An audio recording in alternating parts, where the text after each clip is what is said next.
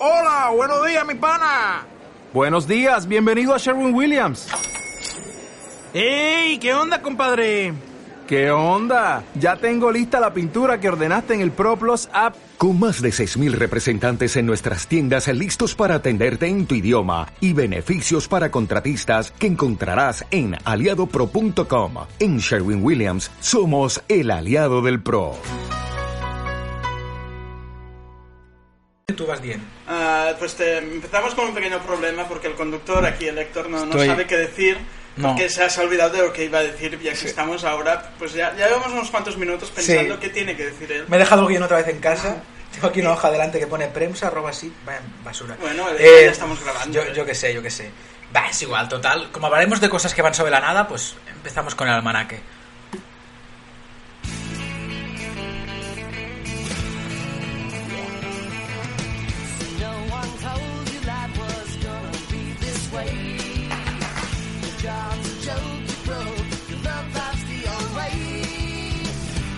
¿Qué tal estáis? Mi nombre es Héctor García, eh, ya me conocéis. eh, estamos otra vez en el almanaque. eh, y tengo aquí a mi lado a Biel Figueras. ¿Qué tal, Biel? Hola, buenas tardes. Pues muy bien, Qué educado. más de bien. Se ha quedado muy educado. Es que siempre hay que saludar, siempre hay que dar las buenas tardes. Eso dicen los asesinos. Bueno, depende de cuando nos escuchen. O sea, también buenas noches, buenos días y buenas madrugadas. La madrugada, que es una cosa que no recomiendo para nada. Seguro que la, la madrastra de Juan Gabriel también decía esto. Saludaba y era muy educada. pero Sí, y, y- y a los vecinos les cogía las Luego, y las subía Exacto. y todo. Luego se, se quedaba la barra de pan, pero... También. me da. Y el bolso. En fin, eh, os preguntaréis de qué va el programa de hoy y bueno, ya que el día 22, hoy somos día 24 que lo tiramos el podcast y el día 22 se cumplieron 25 años, 25 años Biel, qué mayores somos, del estreno Joder. de Friends. 25 años, ¿eh? Yo tenía 10, que- déjame, calla. Lamentable, yo, yo tenía 9, aún no había hecho los 10, aún me quedaba un Oye, oye, el joven. Me quedaba un mes y medio. El jovencito Héctor. Eh, justo acaba de hacer la comunión, diría. O sea, me tenéis que ver con esa foto de, mari- de marinero. Vamos a poner esa foto de En- foto del, del programa de En hoy. el Twitter de Biel, ¿eh? Pero en el mío no. No, no, no, en, en el iVox, lo vamos a poner ahí como, como muestra de iVox, iVox. En vez de Biff Tannen, la foto mía de la comunión. Exacto. Lamentable. Pues si ya, no, ya no de más- marinero, ¿no? De marinero, Espero que fuera sí, sí, marinero, como vale. Oficial y caballero, Richard Gere ahí al final, la canción. Oh, por favor. Joe Cocker. En fin, pues eso, eh, vamos a hablar de series noventeras, aprovechando que hace 25 años que se estrenó Friends, para muchos la serie de nuestra vida, porque nos hemos crecido, hemos crecido viéndola. Hablaremos también de series de la época como Seinfeld, que hace 30 años que se estrenó, 30 también, madre de Dios. Yo tenía 5. De Fraser. No, no, tú tenías 5, claro, igual que yo. Es que lo que fue lo que fueron estas series es impresionante. Y aún que haya días que hoy en día sigan vigentes me parece lo más extraordinario. Y bueno, y hemos pensado que habrá que tener a alguien también para hablar de series así, ¿no? Y, buceando otra vez en internet, porque al final siempre tiramos de. en Twitter, y he pensado que quién mejor que Fosca Cinética, nuestro amigo Víctor Rubio, para hablar de ello. ¿Qué tal, Víctor? Hola, ¿qué tal estáis? Pues nosotros muy bien. Yo también, yo también. Muy bien, me- muy contento de que me hayáis llamado para participar en, en vuestro programa y, y porque seguro que no habéis encontrado a nadie, más. Exacto. Y, y bueno, no, no, agradecido, ¿eh? Muchas gracias. No, no, de hecho se me va a hacer muy raro ser yo quien te dé paso, porque bueno, nosotros hicimos un programa anteriormente llamado Suspitosos y Víctor era el presentador, director, era el que le daba paso y se me va a hacer extrañísimo. Pero bueno, imagino que al final nos, nos acabaremos acostumbrando. Acostumbrando, Bueno, no, no llegarás a mi nivel, pero... pero Nada, bueno, eso seguro. Lo harás bien, seguro. Eso seguro.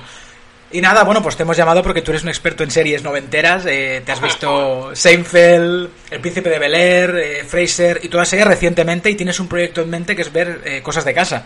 Así que, así que nada, eh, bueno, hablaremos un poco de lo que ha sido la evolución de las sitcoms.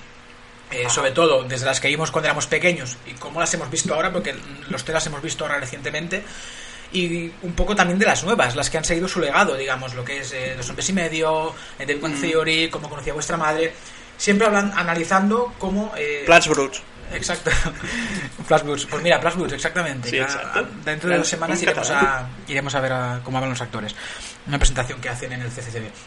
Y nada, sobre todo eso, las series que nos han marcado y cómo ha sido la evolución a partir de allí.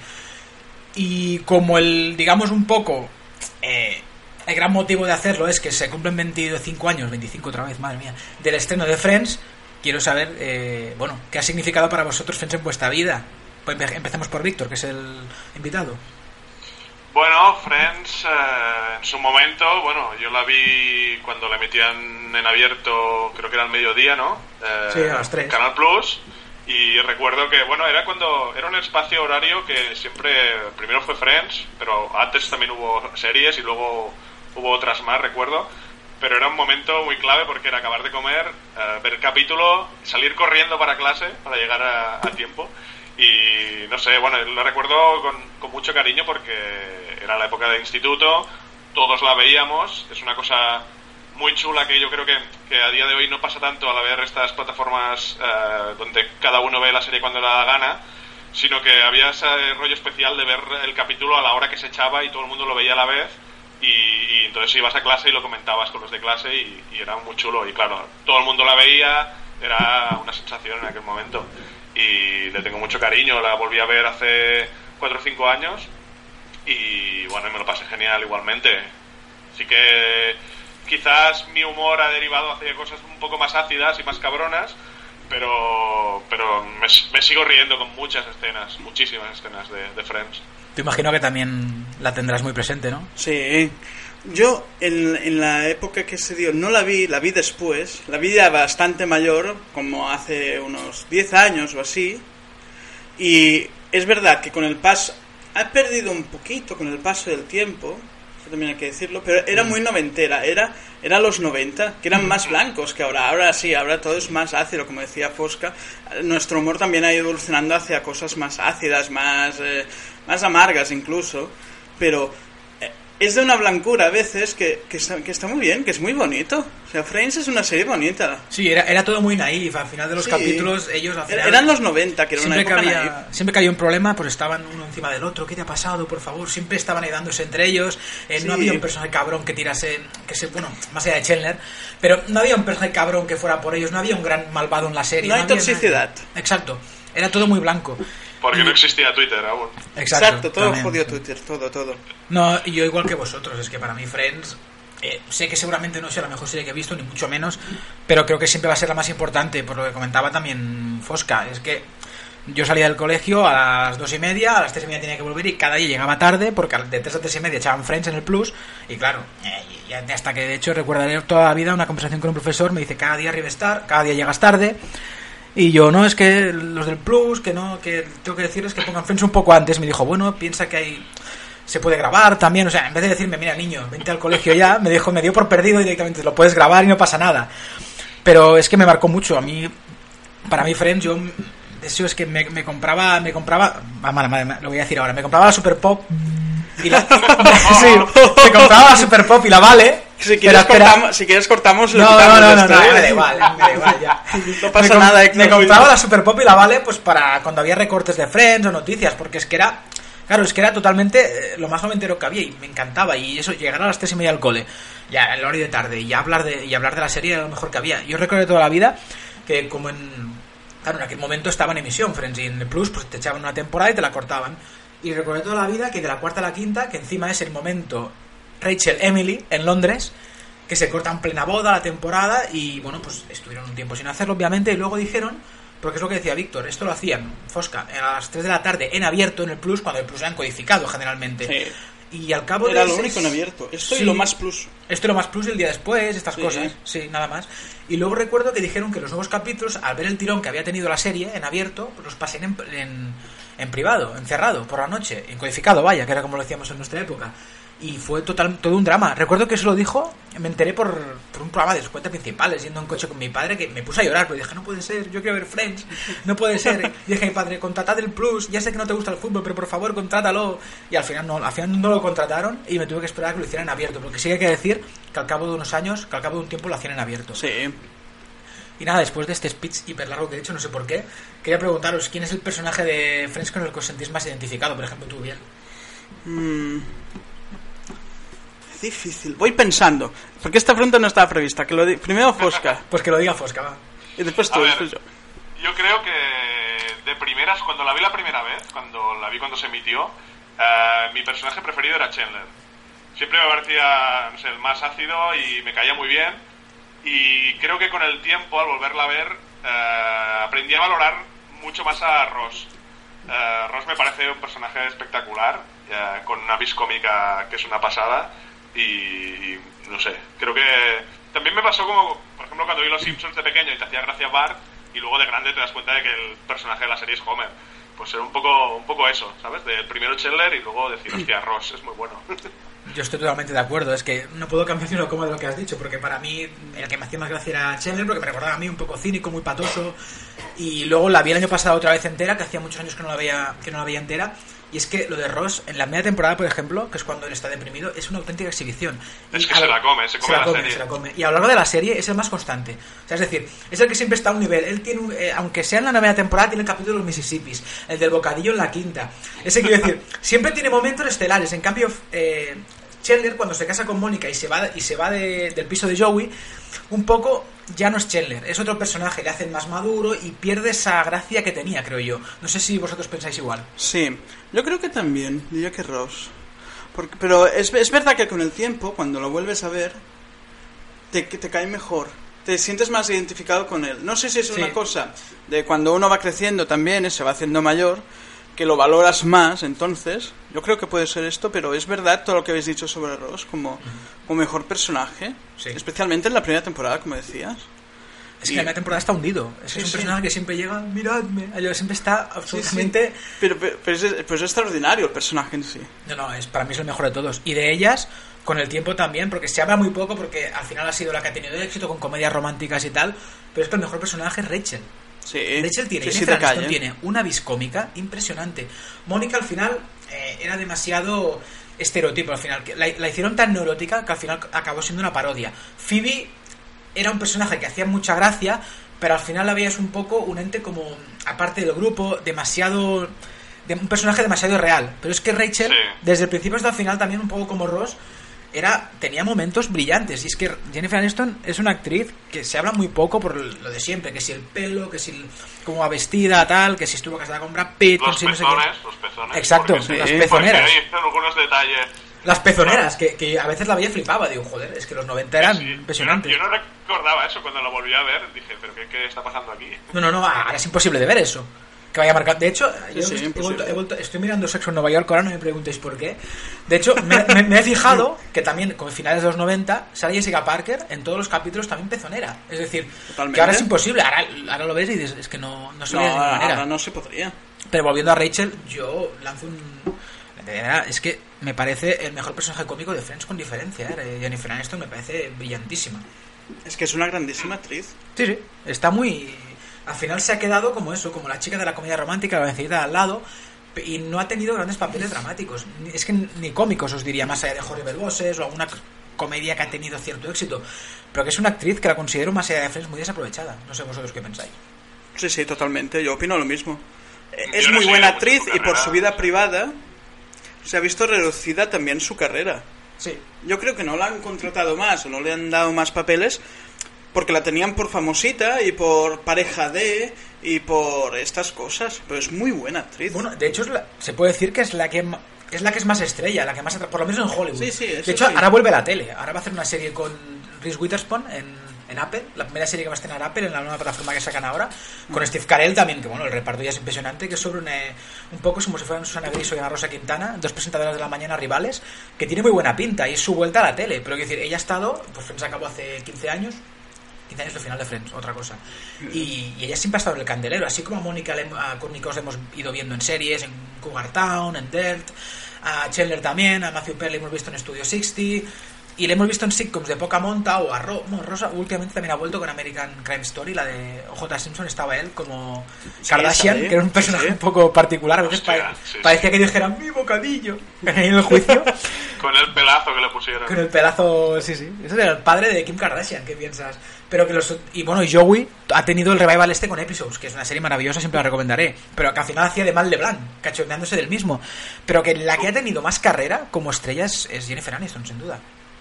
Es verdad, además eh, Joey va a ten- tuvo el, aquel spin-off de Joey, ¿no? Ostras. Joey. Yo lo vi, ¿eh? Las dos temporadas enteras. Yo no, yo no, yo el spin-off no. Sí. Yo vi algún capítulo, pero no, no la seguí mucho tampoco. No, era muy mala, era malísima. De Ah, ya, hecho, tiene pintaza. Sí, de hecho, la última temporada en Estados Unidos ni la acabaron de emitir. La cortaron a media temporada y los capítulos que ya tienen grabados, aquí sí lo que se emitió cuatro, pero claro, al final te lo comp- comp- compran la lata y te los pasan todos. Pero era bastante mala, lo que en aquel momento pues tampoco era más joven y pff, no le daba tanta importancia. Era ver a Joey, me hacía risa y no sé, pero solamente viera un capítulo ahora y me daría esta pena. Bueno, es desde aquello, al final Joey era un personaje que al principio nos hacía gracia, pero al final también acabó siendo demasiado tonto. Es que era cada capítulo era hacer énfasis en que cada vez era más tonto. Y a mí no me... Era el ser tonto por, ser, por Sí. ser tonto, sin, sin ningún camino ni ningún objetivo. Es que es tonto, ya está. Sí, es que Friends al final. Ríete como porque es todo. tonto. Es como todo, Friends también, si hubiera acabado antes no hubiera pasado nada. Al final, las últimas temporadas te las salvan, creo yo, los, los cameos de famosos. Sí. Porque había temporadas que en cada, cada capítulo había uno. Yo recuerdo la, la de Brad Pitt, que era la- el capítulo de Acción de Gracias, que es muy divertido ese. En el que hace el club de fans Yo odio a Rachel junto a Ross, que es Vaya. divertidísimo. Que hacía un ex niño gordo y dices Brad Pitt, ex niño gordo. Sí, ja. En fin, no, y está muy bien, pero que más allá de eso era eso. Más allá de los cameos, tampoco tiene momentos que recuerdes especialmente. Sobre todo los que más recordamos, los de Londres, los de la caja, yo voy metido en la caja cuando le roban, los del pato y el pollo. Que dices, son primeras temporadas. Janis tampoco aparece tanto al final. Personaje memorable, Janis, aunque era muy pesada, pero con el tiempo vas valorando más la gracia que hacía. Siempre hay un personaje recurrente en todas estas series, luego hablaremos de ello.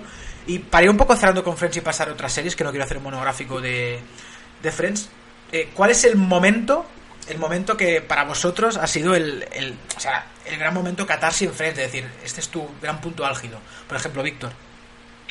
Uf, hostia. Seguro que me dejó muchos, no, no sé, así de sopetón. Bueno, recuerdo con mucho cariño la parte eh, de cuando cortan la relación Ross y Rachel, iban en el apartamento a la playa, lo de la carta. Eh, aquel me pareció un momento bastante guapo. Estábamos tomándonos Eh, un descanso. Sí, es que es... Frase recurrente. Y no sé, y más adelante recuerdo algún momento, más que por, por- de risa, momentos emotivos. Eh, yo creo que me llegaron más eh, momentos en los que se consolidaban algunas parejas o, o incluso el final de la serie que lo considero bastante emotivo. Son momentos que no, no, que no los voy a olvidar nunca. Pero luego de risa hay un montón, es que hay un montón de gags y frases. O sea, no, no, no sé, no me podría quedar con una. Es que es muy difícil escoger. Es, es muy difícil. no, nos lo pone muy difícil. Pero el final, el final que tú decías, Víctor, eh, en los momentos emotivos, porque era una serie de risa, era una serie de gags y tal, pero los momentos emotivos eran muy buenos también. Sí, sí. Eran muy, muy buenos. Ese bajado del avión al final, Sí. a quien no le acongoje eso. Ah, no, no, no, es que era eso, era, era mucha risa y muchos gags y tal, pero los momentos emotivos como el final es, es impresionante. Es que al final era, era tu familia, es decir, Eh, era tu familia, pero son gente, es que has visto 245 capítulos de una serie. Al final, Claro. quieras o no quieras, son parte de tu familia. Luego hablaremos de eso con Fraser, pero quiero decir, tú ya te estás acostumbrado a ver esas caras, su, su evolución, que de hecho a mí el final no es que me guste especialmente, porque a mí me molesta que se vayan de Nueva York, es una cosa que nunca he entendido, porque tienen que irse de Nueva York para ser felices, comprarse una casa en las afueras, pero más es allá de eso- metafórico. Sí, es absurdo. Aparte es eso. Estás hablando de una serie súper neoyorquina, aunque se rodase en un plato de Los Ángeles. Pero que de golpe y porrazo dices, no sé, es como una patada a Nueva York. A mí no me gustó nunca mucho eso. Pero más allá de eso, lo que comentaba, eh, para mí el gran momento de Friends, más allá de. Pero quiero, siempre quiero mencionar a este personaje que es eh, Jack Geller, el padre de Ross, que es grandioso. Simplemente este, este actor, Elliot Gould, cada vez que sale, y sobre todo al final, ya cuando es más parodia, me parece brillante cada aparición que tiene, o, o Janis. Eh, para mí, el gran momento de Friends es Londres. Yo creo que ahí tocan techo. Esos dos, tres capítulos me parecen Sí. memorables. Ahí empieza la relación también entre Chandler y Mónica. Pero es que esos tres o cuatro capítulos, yo cada vez que los veo es que los disfruto como un niño pequeño. Me parecen brillantes. Las peleas entre los dos, entre los suegros, los ingleses, bueno, es que es vamos, fantástico. Sí, sí, no, el arco de Londres, que dura esto, los tres capítulos, cuatro, creo. Sí, sí. Ese es magnífico. Confía embarazada de su hermano. Sí, sí. Trillizos. Giovanni Sí, Ribisi, sí, este sí, personaje súper sí, tonto también. Hostia, es verdad. Este personaje tontísimo.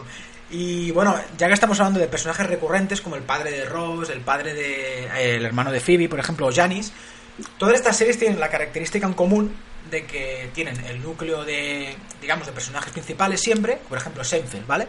Seinfeld tienes a Elaine, a Jerry, a George y a Kramer. Pero siempre había una cosa revoloteando por allí que era Newman. Newman, así me gustaba, que esperaba que lo dijeras tú. Me había quedado en blanco, que me lo dijeras tú. Newman, que al final son estos personajes que más allá de los principales le dan mucha vida a una serie. En Fraser, por ejemplo, estaba Bulldog, que no es lo mismo, pero era el personaje que de vez en cuando te iba apareciendo Sí. y, y los tenías allí y dices, bueno, siempre eran ese, ese alivio para no siempre se estar saturado de los mismos. Es que los personajes recurrentes en las series eh, son importantísimos. Importantísimos. Sin unos personajes recurrentes ahí buenos, no te sale una buena serie, por mucho que los cuatro principales sean muy buenos. Pero tiene que haber una cosa que de tanto en tanto te entre ahí y te haga una gracia nueva totalmente inesperada que no, es- que no sea de los cuatro o cinco. Sí, es como, Claro. los, es como los ligues, al final viene bien que una serie, que un personaje tenga un ligue que te dure 7-8 capítulos. Ah. Y Está, está bien, por ejemplo, que Bruce Willis en Friends haga 4 capítulos y sea el niño del pollo. Es maravilloso eso. Pero que... Es que, Es que ha salido gente muy rara ¿eh? en no, Friends. no, en Friends ha salido... Es que Todo, salió la todo. flor y la nata de Hollywood. O sea, ha salido todo el mundo en Friends.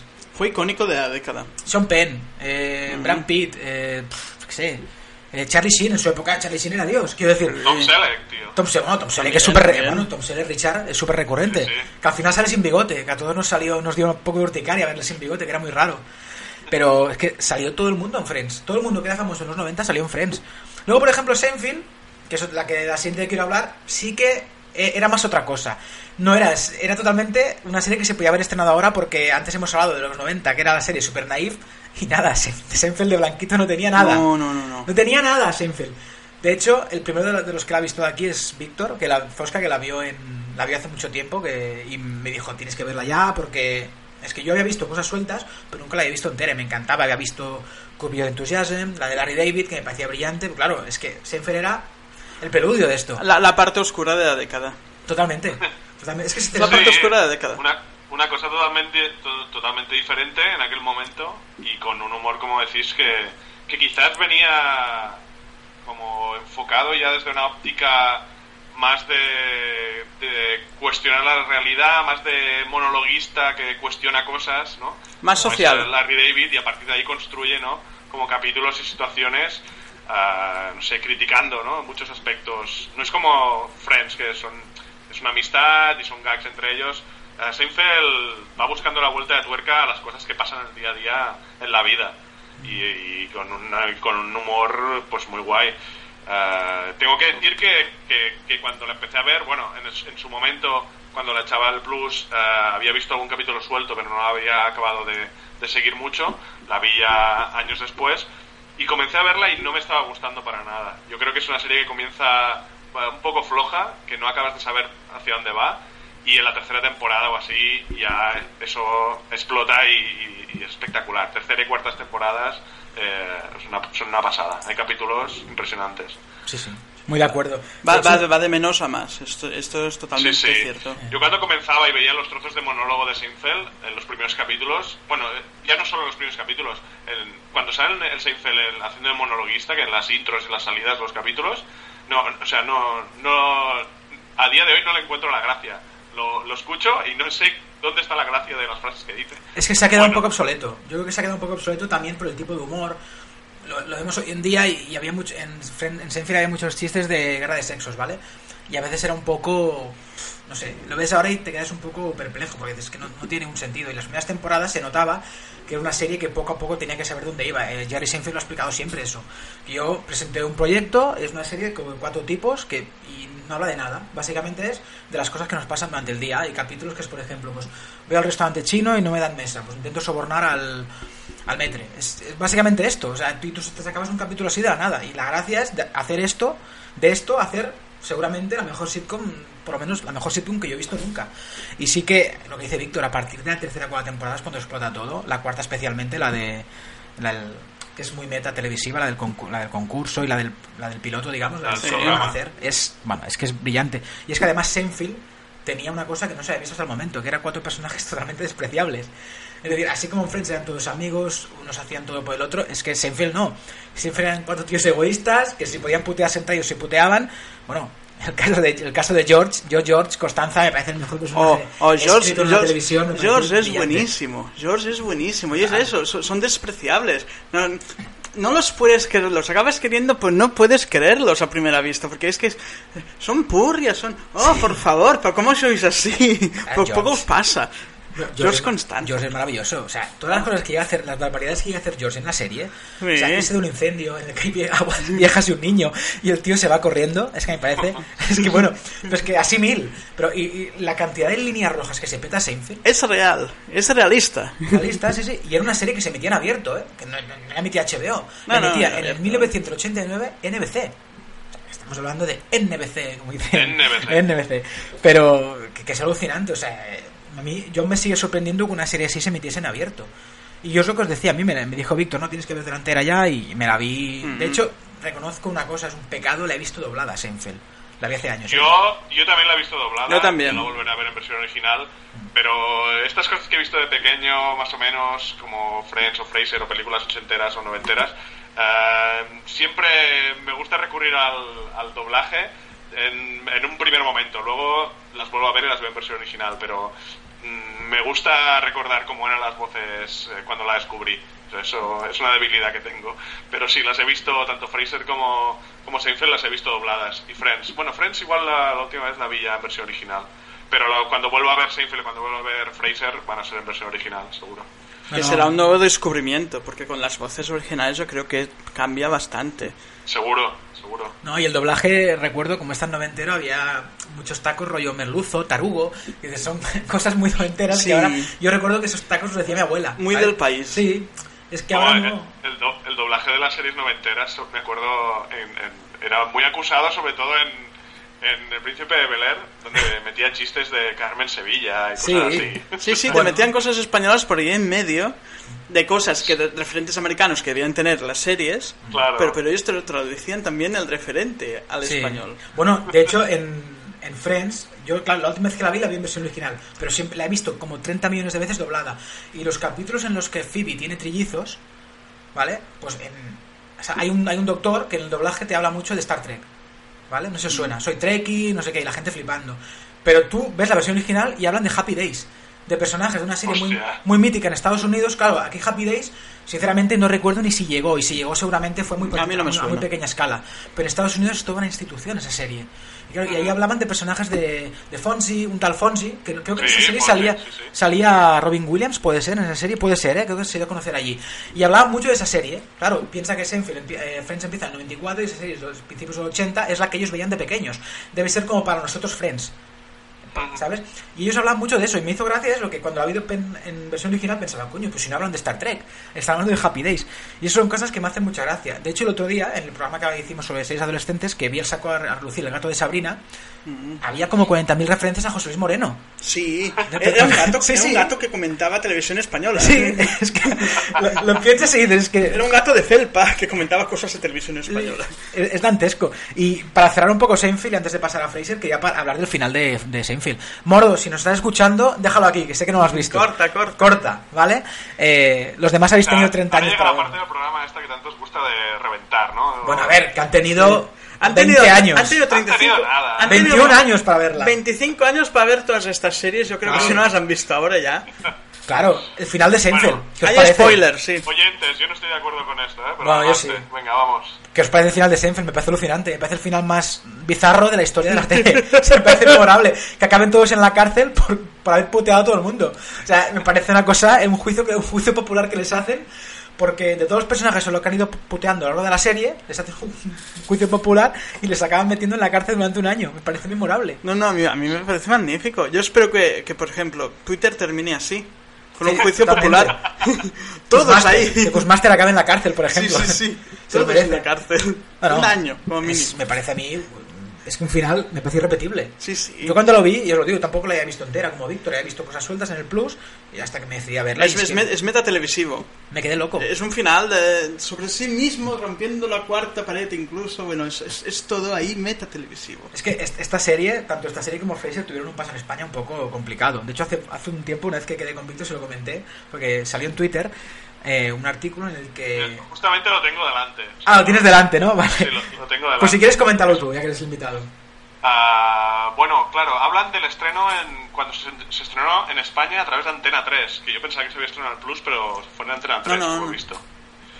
Y esto fue en el septiembre del 95. Y bueno, eh, es un hilo de Twitter en el que el tío hace como 5 o 6 tweets y el primero hablaba de una crítica, de que el, crítico televisivo se sentía bastante incómodo con el tipo de humor porque no acababa de entenderlo. Que yo no entendía cómo, eh, bueno, oía risas enlatadas y, decía, pero si a mí no me está produciendo risa, ¿cómo puede ser que, haga risa? No sé, los americanos pues tendrán su humor, tal. Y luego explica en el mismo hilo de Twitter que es que además se estrenó como a las 12 de la noche de un lunes. Y era como, vale, o sea, después de Ay Señor Señor o una cosa Sí, sí, bueno, obra maestra, señor señor, ¿eh? un respeto a Andrés Pajares. Luego Una gran serie. Un, un- otro artículo de un crítico de la vanguardia que lamentaba que se hubiera cancelado ah, porque duró dos semanas solo.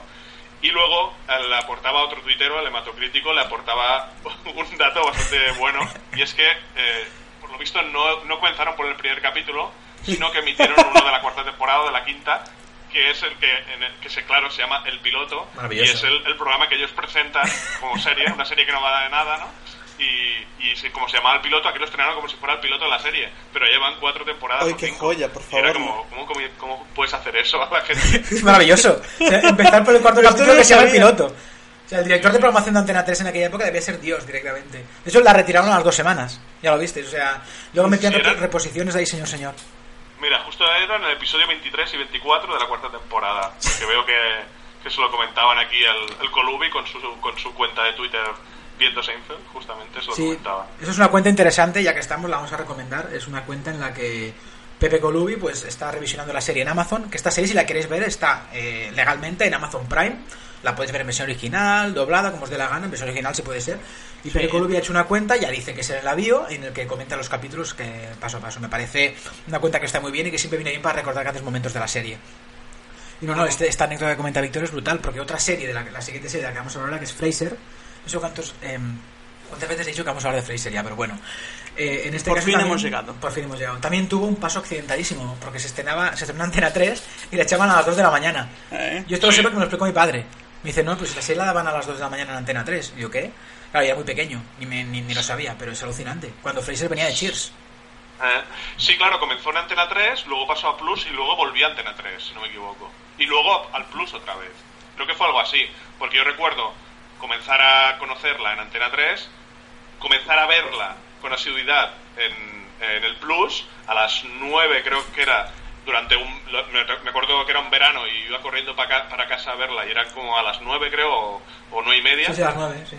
Y luego recuerdo grabarme capítulos a las 2 de la mañana en Antena 3, eh, a- tiempo después. O sea, que iban alternando, yo creo, entre Plus y, y Antena 3. Tengo un, puñado de cintas VHS llenas de capítulos de, grabados de Antena 3 a las tantas de la mañana. Vaya con, tesoro, anuncios, con anuncios horribles por en medio. Debe- deben haber anuncios de señor señor ahí en medio, de farmacia de Seguro, guardia. seguro. Y es que maltrataban mucho las series. Las televisiones españolas en los 90 y 2000 maltrataban muchísimo las series. Cambiaban horarios, las ponían en horarios intempestivos, las compraban y como las tenían los derechos por 10 años o así, Sí. pues iban tirando y cuando tenían un hueco la tiraban y cuando no, pues eh, cogían y, ah, otra cosa. No, lo siguen haciendo, ¿eh? Sí, eh. Siguen haciendo. De hecho, bueno, ahora porque hay plataformas y las yo es que ya no miro la tele. No, no, claro, evidentemente, pero si antes querías, el otro día lo hablábamos, los que seguíamos ese adolescente Río de OC o One Tree Hill, si las queríamos ver al final era imposible verlas por la tele.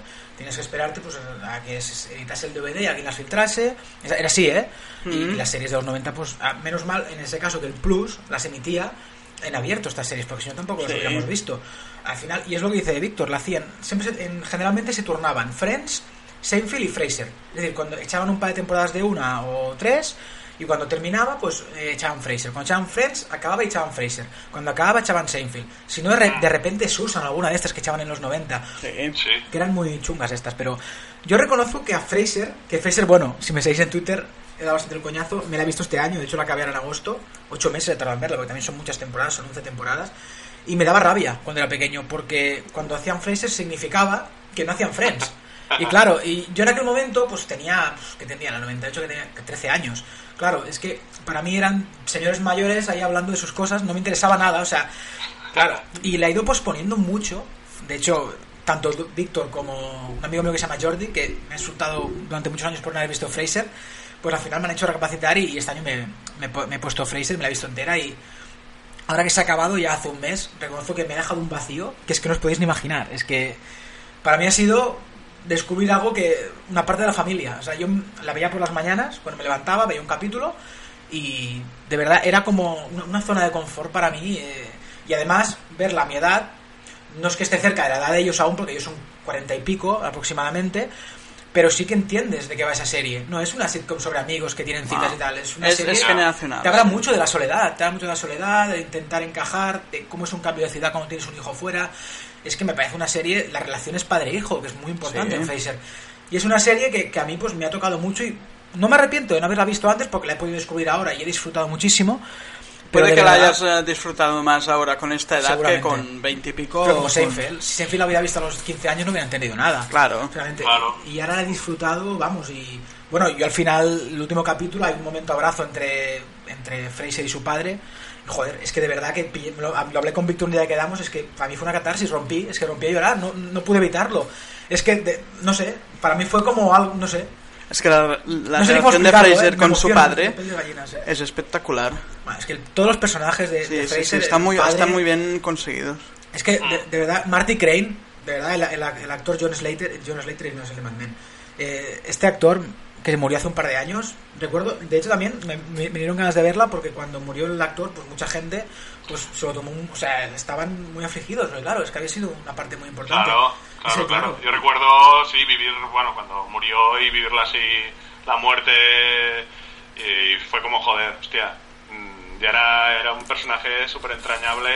Para mí, diría que es el, el personaje con mejores frases de Don Fraser, Sí. porque siempre daban el clavo, eran buenísimas, eran con segundas y terceras, eh, no sé, me parecía espectacular. Martin Crane, vamos.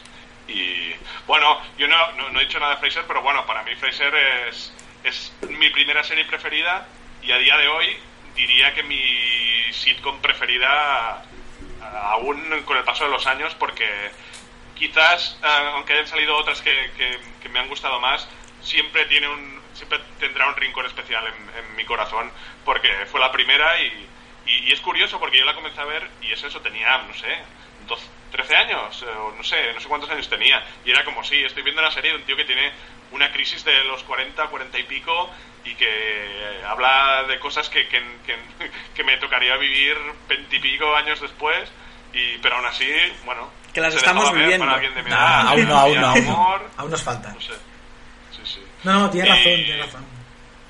y no sé, vamos, siempre Fraser Forever, o sea, soy muy fan, siempre. Y la volví a ver ahora de grande y, y bueno, espectacular, no sé, siempre le tengo mucho cariño. Es que el, el contraste que hacen esa familia, ellos dos, eh, Mar- eh, Niles y Fraser, que son dos pijazos, pero dos pijazos que van a la ópera, que no les gusta nada el deporte, que beben el mejor vino que hay en el mundo, van a restaurantes carísimos. Eh, el contraste que hay con ellos y el padre, Marty Crane, John Mahoney, por cierto, se llama, que antes he dicho John Slatery, perdón, eh, es que es brutal. O sea, de que de golpe el padre de 65 años, cojo, se vaya a vivir contigo, un padre adicto a los deportes, a la cerveza barata, a los sillones feos, que de golpe se vaya a vivir con ellos, es, es que es, es un Es que- contraste tan ideal que Es es un padre Claro, yo creo que funciona porque, porque ellos son unos estirados y Martin Crane nos representa a nosotros como un poco como público de decir eh, hasta aquí, hasta aquí. O sea, sois unos pijos y, y les echa las cosas en cara y está muy bien. O sea, es el tío que tiene los pies en el suelo y que les pone en su sitio y, y nos representa. Sí, sí. Totalmente, es que, que podía ser mi padre perfectamente, ¿eh? Eh, Martin Crane, y es que pues a veces también me, me tocaba tanto Fraser, porque es que me recordaba a mi padre, y dices, es que, no sé, con esos contrastes que hay también entre yo y él, no sé, es que me- yo cuando hablo de Fraser hablo un poco a- como a- afligido porque me ha tocado tanto que no me lo esperaba, ¿eh? Me esperaba ver una sitcom familiar, tranquila, en la que no pasase mucha cosa, y es que claro, hablaba de temas tan trascendentales que pues que al final me ha dejado... Y claro, yo también soy de los que no ha visto Cheers. Bueno, yo Cheers recuerdo de pequeño, solamente con mis padres o con mi abuela, ver algún capítulo, pero no recuerdo nada. Sé quién es Sam Cheers, Malone, sí. Ted Danson, pero tampoco se ha vuelto a pasar Cheers. No tengo unos recuerdos de ella muy... Yo sí, yo sí que la, la vi en, en su momento. En su momento, un poco después, porque como eran estas series que iban repitiendo, repitiendo. ¿Para sí que- bien? Ah, recuerdo bastantes personajes, no la recuerdo muy muy bien, pues sí que recuerdo bastantes personajes y la recuerdo con cariño. No, no, Es- seguro. ese bar, a mí me gustaría tener ese bar. Sí, levanta, y que llegase y te dijera, Norm, Biel. Sí, Así, exacto. y- Cada uno a su sitio. A mí, si no me dedico a lo que me dedico, me gustaría tener un bar como Cheers. Bueno, decir que Víctor tiene uno parecido, ¿o no? Bueno, sí, ahora lo estaba pensando mientras lo decía. Sí. Él tiene su silla casi ahí preparada. Sí, Solo, ya, fal- solo falta que entre por la puerta y le digan, Fosca. No, sí, ahí entro y me saludan. Ah, mira, ves, ya está. Ya está, ya lo todo- tiene. Ya está, ya lo somos tiene. una familia, somos una familia muy grande, pero somos una familia, sí, sí. De hecho, me estuve mirando a ver si está en alguna plataforma para poder recuperarla. Son 11 temporadas, me da un poco de pereza, pero no sé, estas míticas que también me gustaría ver, lo que tampoco está en ningún sitio y no tengo ganas de descargármela, la verdad. Y otra, ¿qué tal? Taxi. Dani DeVito estaba, ¿no? En taxi. Sí. Yo esto no la he visto, ¿eh? Decir que no. Esta se emitió en algún canal del satélite, la emitían, no me acuerdo, no me acuerdo qué canal era, y, y vi algún capítulo suelto, pero no casi no, no vi nada, pero es súper mítica en Estados Unidos también, salía Sí. Andy Kaufman. Sí, de hecho, yo la conozco por eso, por Man on the Moon, la película. Ah, pues sí. mu- en- que es de, hay muchos momentos en los que, bueno, de hecho, Danny DeVito es productor de la película. Y hay muchos momentos en los que están en el rodaje de Taxi. Y yo me enteré ahí de la existencia. De hecho, los actores de Taxi repitieron para hacer los personajes en, claro, con maquillaje para que, no, para que era 20 años después. Pero eran unos actores que hacían de Taxi en la, en la serie y a mí, claro, pero esto no lo he visto, claro, y ahora seguramente, creo que es del 79, si no recuerdo mal, y pf, esto es imposible encontrar. Hmm. No, yo taxi no. Y a saber cómo aguanta el no humor. Es que Andy Kaufman, Andy Kaufman en Estados Unidos es una institución. Aquí lo conocemos menos, pero allí, bueno, la película está de Man on the Moon. Si no la habéis visto es muy recomendable. Man on con the- Jim Carrey fue el segundo papel serio que hizo tras el show de Truman y está muy bien. Ganó, ganó un Globo de Oro, creo, por esta película, Jim Carrey. Mm. Pero no, lo que hablamos de Fraser es que Fraser, ya también un poco para cerrar con ella, es una serie súper entrañable.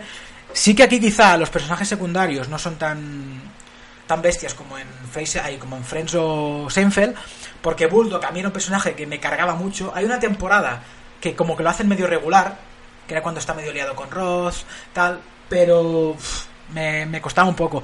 Y luego los que van saliendo, por ejemplo, la, la gente de Fraser es brillante. La gente de Sí. Fraser es, bueno, Bibi es un personaje súper brillante, pero claro, sale una vez por temporada, que al final es lo ideal. Pero más allá de eso, bueno, Daphne tampoco era un personaje que al final era un poco más complemento, pero que también estaba bien. Y Ross sí que me parece un personaje genial. Y además, para la época de corría, bastante avanzado. Mujer soltera, que vivía el Sí, sexo a su manera. sí, sí, sí. que Sí, mucho sí. antes de Sexo en Nueva York, ¿eh? que parece que Sexo en Nueva York haya descubierto aquí la, la penicilina y no. Qué O sea, antigua se ha quedado Sexo en Nueva York. Fatal. Yo lo estoy Qué, sufriendo. qué machista, qué machista Pero es que todo. es flipante, ¿eh? con, lo, con lo feminista que era por la época y, y liberador y así. Y lo ves ahora y es. Pero, pero esto, esto Si es quiero casarme. Es todo el rato Sí, quiero casarme. Quiero casarme, quiero tener niños. Mr. Big, no salgas con otra que estás conmigo. O sea, es que es. Bueno, me parece. me está- no sé si la acabaré, me está costando mucho. He acabado media temporada ya y. Uf. Y unas Pero pijazas, ¿qué pijazas eran? al final no, no era comprarse unos manolos. Comprarse unos manolos, ya está. Unos manolos, el marido cachas y bonito y guapo. Sí, y sí. todo ahí, bien romántico, lo antiguo. Oh, Es que más allá de Samantha, que Samantha sí que era muy libre, lo Sí. demás es. Ah. Que tampoco es sitcoms, es Nueva York. Pero lo que quería decir que Ross está mucho más adelantada a su época que Carrie. Totalmente. Totalmente. Que Sarah Jessica. por favor. En se- y nada, y vamos a pasar un poco a las series más actuales, porque después de estas, cuando acabaron estas, justamente después, porque Friends- de hecho acabaron, mira, Seinfeld acabó en el 98, que dio nueve temporadas, eh, y Friends y, y Fraser en el 2004. En este caso, claro, eh, hu- hubieron muchas series que vinieron después. Nosotros también habíamos tenido una que no quería que se me pasase, bien me lo recuerda, Que es- porque hemos crecido nosotros en Cataluña y para nosotros ha sido muy importante Plats Bruts. Plats Bruts. Plats Bruts. Habla tú un poco más de ella, bien, que la tienes más fresca. Plats Bruts, que es eh, la, la sitcom catalana por excelencia, pero también es, eh, si la ves ahora, por ejemplo, hay un caso paradigmático que es el protagonista, uno de los protagonistas, López, que es un, es un, es un mierdas porque cobra mil euros al mes. Es, es una serie grabada con- en la precrisis, en eh, finales de los 90, principios de los 2000, que ya empezaba el euro y todas estas cosas que también nos han ido. Y es una serie de, de lo que nunca volverá ya, que es la época precrisis. Y si lo ves, tiene- Sí. es muy divertida, tiene unos gags perfectos, pero es también un, un poco triste porque es eso. Una época donde cobrar mil euros era, una, era un poco mierda. Y ahora, si, si tienes dos trabajos, la mayoría de gente, y llegas a un mil y pico, pues ya eres un afortunado. Y que los guiones eran muy buenos, ¿eh? Los guiones eran Joel buenísimos. Joan, dentro de todo lo de cabe, que a mí es, Joel Joan no me gusta mucho. Es un buen actor. Es Joel un buen Joan. actor, es un buen escritor. Porque luego hizo por Camiseria, que es muy buena Sí, serie. sí. Pero es que Plats Bruts era una serie que también tocaba mucho la metatelevisión, porque él era Ah. actor. Y recuerdo que hubo épocas en las que hubo un actor que era el camarero que se fue a Siete Vidas, y ahí jugaron con eso. Sí. Tengo un casting en Siete Vidas porque era un camarero que ya ser actor, bueno, un clásico, un cliché. Y de hecho jugaban con eso. Y luego el actor fichó por Siete Vidas. Eh, fue una serie que a veces hablamos de TV3, pulseras vermellas, son para tietas, Oh, no, tal. no, no, pero pulseras TV3 a veces ha hecho favor. series y fue pionera en esto de las sitcoms, porque es una serie de 25 minutos en España, ¿eh? Sí. Bueno, en este caso en Cataluña, pero bueno, luego se ha pasado por bastantes canales, como La Forta, creo que también la emitió Paramount Comedy o alguno de estos, y es una serie que ha tenido mucho recorrido. Bueno, en TV3 la, de hecho, cada, Cada- cada verano la, la cada repiten. verano la ponen. Y a veces que he pillado algún capítulo, me sigue haciendo gracia. Es Sí, que, sí, bueno, sí, sí, aguanta muy, muy bien. Jordi Sánchez ahora mismo es una estrella por la que se avecina. Bueno, a mí la que se avecina no la soporto, porque es la antítesis de la sitcom, porque es hora y media, que dices, Sí, no. no tiene ningún sentido. Pero que Plus Blues también fue pionera junto a Siete Vidas, que, que Sí. hablar de de ella. Siete Vidas es muy divertida, fue una serie que en sus principios era muy divertida, tenía personajes, a mí Gonzalo siempre es un tío que me hizo mucha gracia, el frutero, ah, al principio estaba Tony, Can- Tony Cantó, Cuando se fue con Tony Cantó mejoró, porque yo, yo opino que Tony Cantó lo hace mejor de político que de actor. pues imagínate, Yo imagínate. me alegro que Tony Cantó sea político y no actor. Más, madre. Yo, yo si pudiera, yo lo votaría para que no se dedicara otra vez al, al teatro ni a la tele. Prefiero que gobierne él con ciudadanos que, que, que vuelva a la tele. Ciutadans. Pero no, no sé si tú, Víctor, llegaste a ver series Plus Blues de pequeño o Siete Vidas, o tirabas más de América América ya en esa Flash época también. Broods- Flash Broods no la vi. Flash Broods no la vi. Bueno, vi capítulos sueltos, pero no la seguí mucho. Y Siete Vidas creo que sí que la vi bastante. Diría, unas cuantas temporadas, no sé cuántas duró, pero lo vi, la vi unas cuantas y me, y me gustaba bastante. Pero no sé si la llegué a acabar ni siquiera. Duró. Pues tuvo como por lo menos 7-8 temporadas, duró hasta 2005. Que bueno, que acabó Siete Vidas y empezó Aida. Es otra de esas series que, como yo, como Joe, como Friends y Joey, tuvieron un spin-off. Que yo creo que el spin-off fue un más exitoso. Yo Aida la empecé a ver al, al principio y sí que reconozco que al principio tenía. Se pasaba bastante las líneas rojas, que eso es curioso, con el personaje de Colmenero. Y tenía buenos gags Aida, lo que al final pues se acabó convirtiendo en una serie muy choni y ya pues yo lo dejé de ver. Co- Reconozco quizá que Siete Vidas fue más constante en su Sí, momento. no, Ahí Siete- estaba Eva Santolaria, por ejemplo, que te hablábamos Sí. de ella. Ahí estaba, sí, salió en las últimas temporadas. Santi Millán también fichó Sí. en las últimas temporadas. Pero sí que han sido las primeras aproximaciones a la sitcom en, en España, que ha habido pocas. Luego hicieron Gin Tony, que bueno, mejor Oh, olvidarnos de aquello. Oh, oh, qué horror, por favor. Yo vi medio capítulo y casi me da sida o algo, porque aquello fue terrible. Y sí, malísima. Pero bueno, eh, quiero volver un... Antes de pasar a las series más más nuevas, digamos, las que terminaron, empezaron justo cuando acabó Fraser y Friends. Quiero que Víctor, porque Víctor es un gran amante de las series noventeras, sitcoms, quiero que nos un poco nos, nos comente algunas de las que le gustaban de, de pequeño. Eh, por ejemplo, creo que imagino que querrás hablar de las gemelas Olsen, ¿no? bueno, Oh, oh, oh, por no sé, favor. Sí que recuerdo verla y, y me gustaba. Pero, a ver, voy a ir rápido. Voy a nombrar algunas que creo que tienen que salir en un programa como este. Como era, bueno, Príncipe de Bel Air. eh, por favor. buenísimo. La volví a ver cuando lo estrenó en Netflix hace un, un par de años o así, no sé. Sí. Y bueno, me lo pasé genial y flipé, flipé muchísimo en un capítulo que hay súper dramático, que es cuando vuelve su padre, que os recomiendo verlo porque, o sea, flipé. Y el de las drogas también recuerdo súper dramático. Es un, es un, sí, también. Y es un dramón de capítulo con Will Smith actuando súper bien, que es, es de llorar en total. Pero flipé mucho. Y nada, bueno, yo qué sé, nos hemos dejado... Teníamos que haber hablado de muchas, primos lejanos... eh, Hombre, Valky. Oh, primos Mi primo lejanos. Lani. Oh, ese iraní. Era iraní, ¿no? Ormenio. No lo sé. Era iraní. iraní, El primo Lani, que era, luego... era griego, era griego, ¿no? Era griego, no. Yo, yo- Griego, era- sí, sí, era griego, sí. ¿Seguro? Sí, sí, griego, Sí, sí. sí. Ah, pues yo lo tenía por Que salía enamorado a quemarropa, el actor este. Y Sí, luego, es verdad. y el doblador era el de el del personaje este hindú de Seinfeld. También, también. El que le hace, Ah, el mismo. el que le hace volver. Primo, tú ser un hombre muy malo, señor Jerry. El mismo doblador este que siempre hacía los personajes musulmanes. Era maravilloso. Sí, sí, era, era- bueno, era en aquel caso Valky no era musulmán, pero sí que fue. También en el Plus, ¿no? También era la de Primos Lejanos. Sí. Sí, y también había en el Plus, yo creo que las dos que voy a decir ahora eran del Plus y también son, no sé si las llegaríais a ver vosotros. Una que se llama Búscate la vida, Sí, que protagonizaba sí, sí. Chris Elliott, que hacía repartidor de, de diarios, bueno, era como un tío que tenía no sé cuántos años y aún vivía con sus padres y era un pieza. Y era bastante de risa. Y luego había una que se llamaba eh, Sigue Soñando, eh, que, que también era David Crane, creador de, de- de Friends. Friends y, y otras tantas. Y también estaba muy bien. Muchos recordaréis la introducción que era eh, él creciendo viendo la televisión. Era un bebé que lo ponían delante de la tele, iban saliendo imágenes y se iba haciendo más mayor, adolescente y, Y luego durante los capítulos el tío tenía como flashbacks de películas antiguas que, que complementaban la situación o los diálogos. Era, estaba bastante bien. Sí. Es que el Plus las compró todas, porque Padres Forzosos también echaba el Plus al principio, luego la compró Antena 3. De hecho, han hecho un spin-off para Netflix que vi un capítulo era terrible, pero terrible, terrible, ¿eh? Es humor noventero con ahora, con el tío Joey ahí igual, John Stamos yendo de guapete con 50 y pico, que bueno, el tío se mantiene bien, pero a ver, ya no se aguanta. Y luego 30 Rock from the Sun, eh, que era buen- buenísima, que era la de que ahí salió Joseph Gordon-Levitt, bueno, John Lithgow ya era conocido, pero fue una serie que lo petó bastante. Y antes de ir a las, a las cosas que nos han gustado esta semana, quiero hablar también un poco de la evolución de las sitcoms que ha habido. Pero cuando acabaron las que os he comentado, Fraser, Friends, se estrenaron como conocía vuestra madre, que también duró nueve años, dos hombres y medio. Que al Qué final, final más horroroso el de cómo conocí vuestra madre. El peor final de la Es un sí. final horroroso. Es un final para, para, para decir. De verdad, voy a hacer spoiler. ¿De verdad tan nueve temporadas para volver al, al primer capítulo? y ¿De matar a la madre. ¿De verdad? ¿Tan, tanta, ¿Tanta cosa para conocer a la madre y la matas? No, no. E- e- Es, horroroso ese final.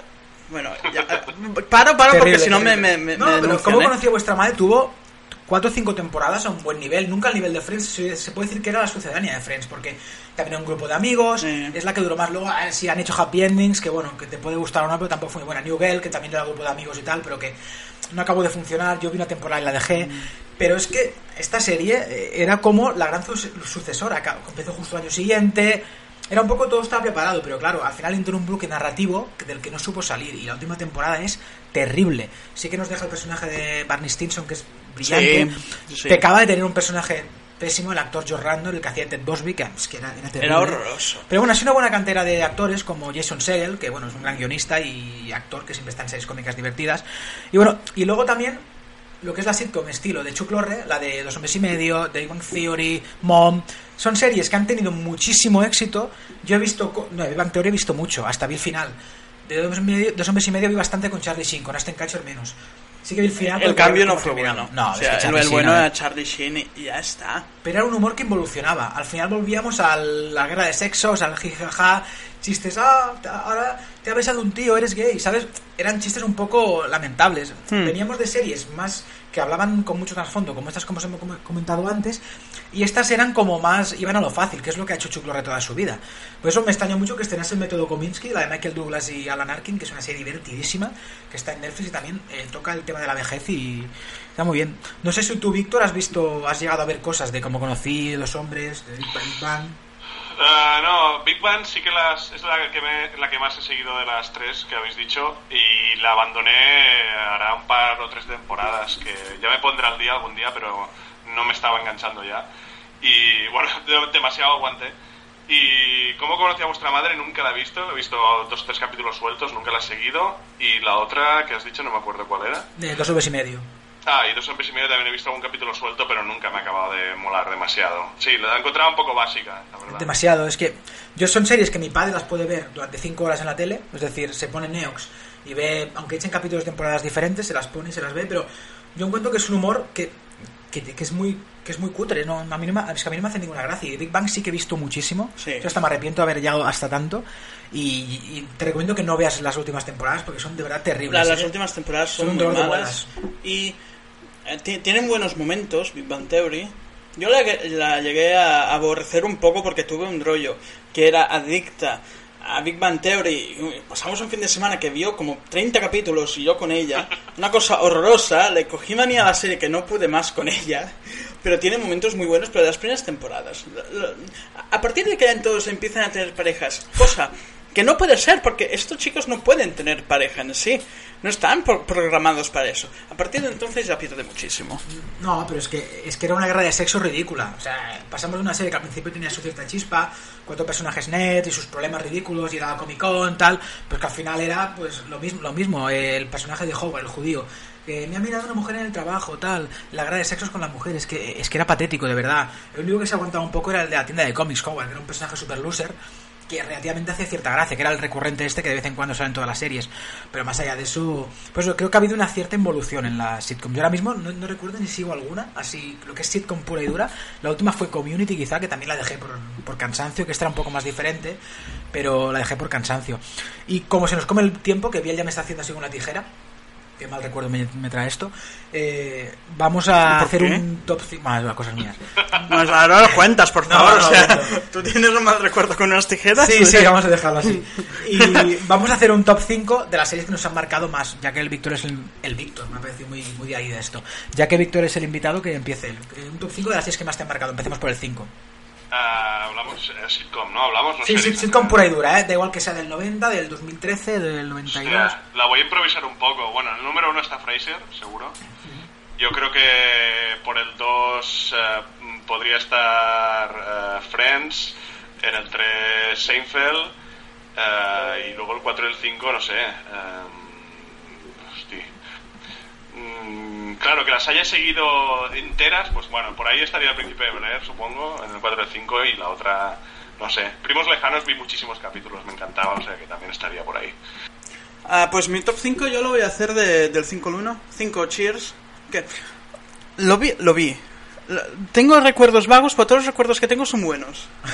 Sí, es eso, lo recuerdo bien, o sea, es- está bien. Como los de la chica aquella de los 30 capítulos de Big Bang, ¿no? Sí, está bien. Vale, no, vale. eso no es tan, pero es igual. Bueno, Ah, si te sirvió para... en el número 4, eh, Seinfeld. Bien. En el número 3, El Príncipe de Bel Air. Oh. En el número 2, Platts Bruts. Y en el primero, Fraser. Creo que en esto, creo que puede que los tres tengamos el primero, ¿eh? De hecho, deja- No, yo creo que Chucks no. No, ahora os explicaré por qué. De hecho, déjame decir que de aquí dos semanas, lo he comentado un poco antes por encima, hacen una... Vienen los actores y los guionistas de Black Books, como que eran ellos, de hecho, y hacen una especie de, no de convención, pero de reunión en la que explican cómo fue la serie en el CCB. Si lo queréis ir a ver, es el día 20 el viernes 27 a las 10 de la noche en, en- dentro del serializado, ¿de acuerdo? Y vale 5 euros. Pues si os interesa, sois fans de Black Books, que en Cataluña hay muchos, pues ya lo sabéis, por 5 euros vale la pena. De hecho, nosotros iremos, si nos queréis Sí, sí, encontrar, sí. si no- si Nosotros vamos. ¿vale? Os saludáis y estas cosas. Decís que os gusta mucho el programa y bueno. Y nada, voy ya con mi top 5. Voy a empezar por la quinta, Salvados por la Campana. No le hemos dicho, pero es una sitcom. Sí, Es sí, una sí, sitcom. también. Lo que ya hablamos mucho la semana pasada Sí. de ella y. Pero sí, sí, sí, está bien. Kelly Kapowski, por favor. La cuarta, Cosas de Casa. Es que Steve Oh, Furker. oh, oh, nos hemos que- olvidado de cosas de casa, es que por favor. hace muchos años que no la vemos. Oh, Pero es que Steve Urkel, por favor. Eh... Es que era tan patético y todo. Su amor con Laura, el padre, por favor, que en la jungla de cristal también salía. Reginald Bell Johnson. Eh, maravilloso. La tercera, diré Fraser, porque la he visto ahora y me ha marcado muchísimo. La segunda, Friends, porque es seguramente sea la serie de mi vida, pero como lo estoy haciendo por calidad, la primera para mí es Seinfeld. Es que no voy a contar nada igual. Y pondría Seinfeld barra guion eh, el show de Larry David, Curb Your Enthusiasm. Porque al final son se podía- podían ser un díptico y son maravillosas. Eh, es- bueno, Curb Your Enthusiasm, digamos, es una serie que hizo el creador de Seinfeld, más allá de Larry David, que es el co-creador. Y básicamente es un poco lo mismo, sobre su vida en Los Ángeles, un productor hace del mismo y bueno, es eso, sus quehaceres en la vida cotidiana. Y es divertidísima y estoy esperando como con ansia la décima temporada que se estrena el año que viene en HBO. Y nada, vamos ya a las cosas que nos han gustado estos días, que esta semana no, estos Y días. las que no nos han- gustado. Y las que no. Vamos a empezar por las que nos han gustado, que empiece Víctor, por favor. Que me hayan gustado, pues mira, últimamente diré que he visto The Voice en Amazon Prime Video, que es, ya sabéis, bueno, mucha gente sabe que detesto el género, el género de superhéroes y esta serie me ha gustado bastante porque tiene un enfoque diferente en los superhéroes, más adulto, ah, más negro, un humor más negro, ah, sangriento y no sé, me lo he pasado muy bien viéndola, la verdad. O sea que decías The Eh, Voice, el programa este de canto, el de... ¿Cómo? el- The Voice, el programa este de canto de la voz. Ah, The Voice. no, no, no, no, la serie, la serie es muy buena. No, yo, Y yo no la he bueno, visto y- aún. Y aprovecho para, para destacar el catálogo de Amazon Prime, que, que poco a poco está metiendo una serie, Sí. unos peliculones que...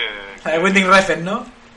No, no, pero eh, estaba viendo el otro día el, ca- el catálogo de pelis y, y hay peliculones, peliculones, que vaya con cuidado Netflix, ¿eh? Han metido las 20 20 pelis de Berman. Sí, sí, sí. Yo ya he metido Sin Street, respect. ¿Sigo con las cosas buenas o...? Sí, buenas, buenas. Una buena y luego la Biel y luego ya más tarde pasamos a las malas.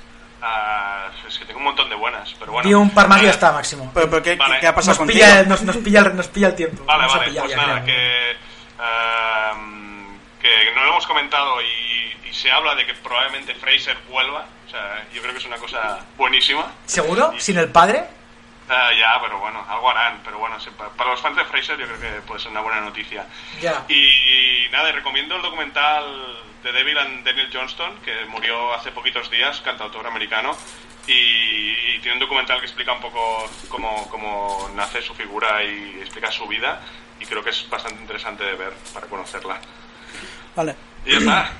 Ya está, pues que bien, ¿qué te ha gustado? Vale, yo solo voy a comentar una. Ahora que hablamos de sitcoms, voy a comentar un restaurante que, que he descubierto me- estos meses, porque esta semana he tenido que ir dos veces allí.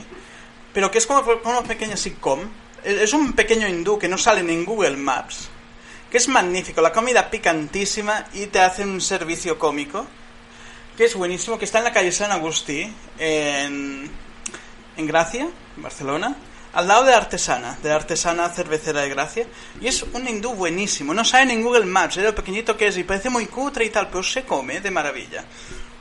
Ahora tú, bueno, no está mal. No, no, está muy bien. pues ya os dije que Biel es todo un gourmet y, si- si queréis recomendaciones Sí, sí, de lugares en Barcelona para ir a comer. eh, Lo que vamos. recomiendo... Te está lo bueno. recomiendo. Lo que recomiendo... Lo que, lo que miendo... Como Dani. Qué lamentable. Bueno, eh, a mí me han gustado dos cosas. Ve rapidísimo. El primero es un libro, eh, Open, de Andrea Gassi. Es una biografía. Hace un montón de meses que me lo compré y por fin me lo he podido leer. Y es brillante. Es como se abre en canal sobre lo que fue su infancia con su padre y bueno, y luego todo lo que logró. Es brillantísimo, de verdad. Si os gustan las biografías de. Más allá de si os gusta el deporte o no, o el tenis en este caso, es un libro sobre cómo eh, una infancia puede mar- una infancia dura puede marcar una carrera de, un- de una leyenda, una leyenda del tenis. Eh, se llama Open. Y lo otro que me ha gustado es, eh, en este caso no es la serie, es Emma Thompson, el personaje que tiene en Yes and Yes. Es una política chunguísima, pero chunguísima, chunguísima. eh, y que vamos, cada frase que tiene es puro oro. La serie no me está gustando tanto, pero bueno, ya la comentaré más adelante. Porque aún solo he visto tres capítulos. Vamos ahora con las cosas que no te, que no te ha gustado, Víctor, que has visto últimamente. ¿Qué no me ha gustado? Uh, Once Upon a Time in Hollywood. Es que, Oh, es que sabía, ¿eh? Este, No, no, este no, programa no lo vamos a no voy sacar. hacer- No voy a hacer sangre. No, voy es a hacer igual. sangre. Lo que quieras, ¿eh? Eh, no me... Bueno, ya está. Eh, pasa otra cosa, da igual, no me voy a extender. Eh, he visto la nueva serie esta Undone, que mm, es de los creadores de Bojack Horseman y que es como personas dibujadas y tal, así al estilo Scarlett Darley, de Linklater. Y que el argumento pintaba muy bien de una chica que se aparece su padre muerto, que es Saul, bueno, el que hace de Better Call Saul, Boderky, y, se le aparece eh, porque estaba muerto y le enseña a viajar en el tiempo para salvarle su muerte.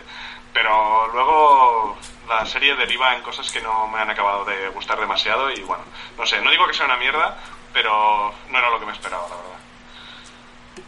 A ver, déjame incido un momento en esta serie porque es de los creadores de Bojack Horseman, que Bojack Horseman no, no lo he comentado porque no nos ha dado tiempo, pero es una sitcom, es, es, un- es una, una serie sobre dibujos animados, rollo sitcom, que va sobre la depresión de un caballo, sí, sí, de un caballo, que en los 90 tuvo una serie, una sitcom de éxito familiar que se llamaba Retozando, Horsing Around, y eh, básicamente es eso, cómo no puedo superar, como si fuera un tío Jesse de la vida, un John Stamos, cómo no puedo superar esto y ahora está sobre el alcohol. Es una serie muy recomendable, aunque sea de dibujos, de verdad os lo digo. A mí Sí. de las que más me han tocado recientemente, eh, trata temas como la depresión, bueno, ya lo he comentado, y desde una óptica del humor, pero hay capítulos que te dejan absolutamente destrozado. Y, por favor, una Es muy decadente y es muy buena. Sé que Víctor ha visto poco y no le gusta, pero si le dais un tiempo, una temporada Mm. por lo menos, de verdad, os deja... A mí, de las series que más me han gustado en general en los últimos años, Bojack, ¿eh? Y nada, eh, después de este inciso, que creo, creo que era necesario hacerlo, eh, ¿qué no te ha gustado bien esta semana? Ah, esta mañana me he levantado yo tan tranquilo, una mañana de domingo, y me encuentro un mensaje con el vídeo de la boda de Manolo Valls. De Manuel Valls. Hostia. Eh, eh, Es la cosa más cutre que he visto en los últimos años. Eh, Es una cosa de nuevo rico. De, pa- pa- él quería una boda de Vicente, le salió una boda de, de Pablo Escobar. Sí, Narcos Barcelona. sí, sí, ese es narcos, es narcos. ¿Le ha hecho en el rabal o qué? No, no, lo ha hecho en Ibiza, pero, pero ahí todo nuevo rico, todo blanco, porque el blanco es el color de nuevo rico. Y Manolo Valls es una cosa de nuevo rico porque ha venido aquí a hacer un, un- un braguetazo con una señora Looper diagonal. Y, es todo horroroso, es todo es... No volváis, no volváis al ayuntamiento. Yo no quiero aguantar a Manolo Valls cuatro años en el ayuntamiento, Si por me favor. queréis irse, ¿no? Sí, sí, si me queréis, quédate en Ibiza haciendo de Pablo Escobar. Pero cutre rollo las, los- las, las choni, la choni esta que vino de élite, Nueva Rica, así. O Sí, la de sí, Titanic, sí, casi sí, veis. una cosa cutrísima, una cosa ahí, los dos bailando y el, el- y el vestido que, que parecía el Chapo Guzmán. Bailando Rosalía, seguro. Eh, bueno, yo mm, lo que no me ha gustado esta semana es un restaurante en Barcelona, La Bella Napoli. Eh, la pizza estaba buena, de decir, una, siete, una cuatro quesos bastante decente. Además tienen pizzas relacionadas con pelis, tiene una que se llama Totó, por Cinema Paradiso. Está en el Paralel, mala zona, ya lo sabéis. Pero básicamente porque pidieron a las 10 y media y nos dieron de cenar a las, 11 menos- a las 12 menos 20. O sea, además de darnos entrar a la mesa a las 11 y 20. Una vergüenza absoluta. No sabes apreciar el arte. Además, carísima. Eh, la pizza, te digo, no estaba mal, pero bueno, solo por el trato este, no volváis. De hecho, hay otra, creo que en vía. Una calle de estas paralelas a Paseo de Gracia, pero eh, no vayáis, no vale la pena. Y nada, vamos con el momento que me da más miedo del programa ahora mismo, porque me da pánico. Y es eh, porque Víctor nos va a decir qué canción va a poner esta semana. ¿Qué canción, ¿Con qué canción nos despedimos, Víctor? Ah, no, no, me, me he portado bien, creo que me he portado bien. Ah. Eh, es una sintonía eh, de, ya de una serie que he comentado antes, de Get Alive, Búscate la vida, eh, la que protagonizaba Chris Elliott. Y bueno, es la sintonía de la serie, es, eh, y es de Rem y se llama Stan. Ah, mira qué bien. gran Aquí estamos muy a favor de Rem. Esta vez sí. Y nada, pues Víctor, muchas gracias. ¿Has estado cómodo? Sí, sí, sí. Me ha hecho ahí con un poco siempre con- se está cómodo. ¿Volverás o no? sí, sí, si me invitáis. Vale, venga, lo dejamos. Pues nada, nos despedimos. Eh, la semana pasada se me olvidó. Eh, nos podéis seguir en Twitter. A Víctor es arroba foscasinética, Biel es arroba rincewincat y yo arroba Jackson5. La próximo, dentro de 15 días, el siguiente programa lo haremos desde Sitges. Y hablaremos un poco de cine de terror, de lo que hemos visto allí, de lo que nos ha gustado. Ya tenemos un par de colaboradores ya que estarán allí. Y nada, si nos vemos por Sitges, pues nos saludamos, que lo grabaremos desde la, desde la piscina cafetería del Meliá. Y nada, Fuera de la ¿Qué piscina. ¿eh? Sí, bueno, ahí se puede. Tomas un café y te puedes sentar, o sea, ¿esto qué nivel? Nos cobrarán 5 euros por el café, pero bueno, vale la pena por, por grabar. Y nada, eh, por mi parte, eh, ha sido un placer estar con vosotros y nada, nos escuchamos dentro de 15 días. Que tengáis un- una buena quincena. Hasta luego. Adiós.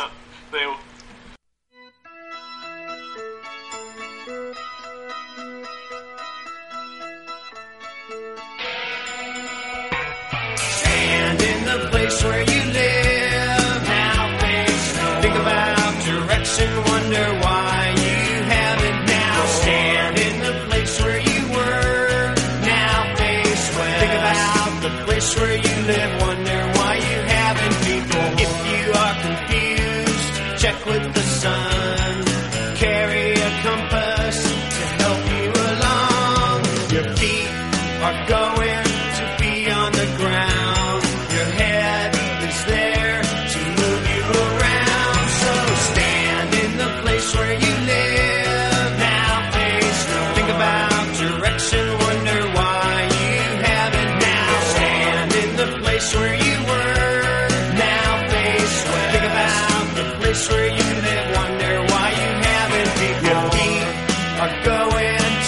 on the ground.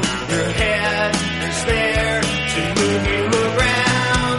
If wishes were trees, the trees would be falling. Listen to reason, the season is calling. Stand in the place where you live. Now face, think about direction. Wonder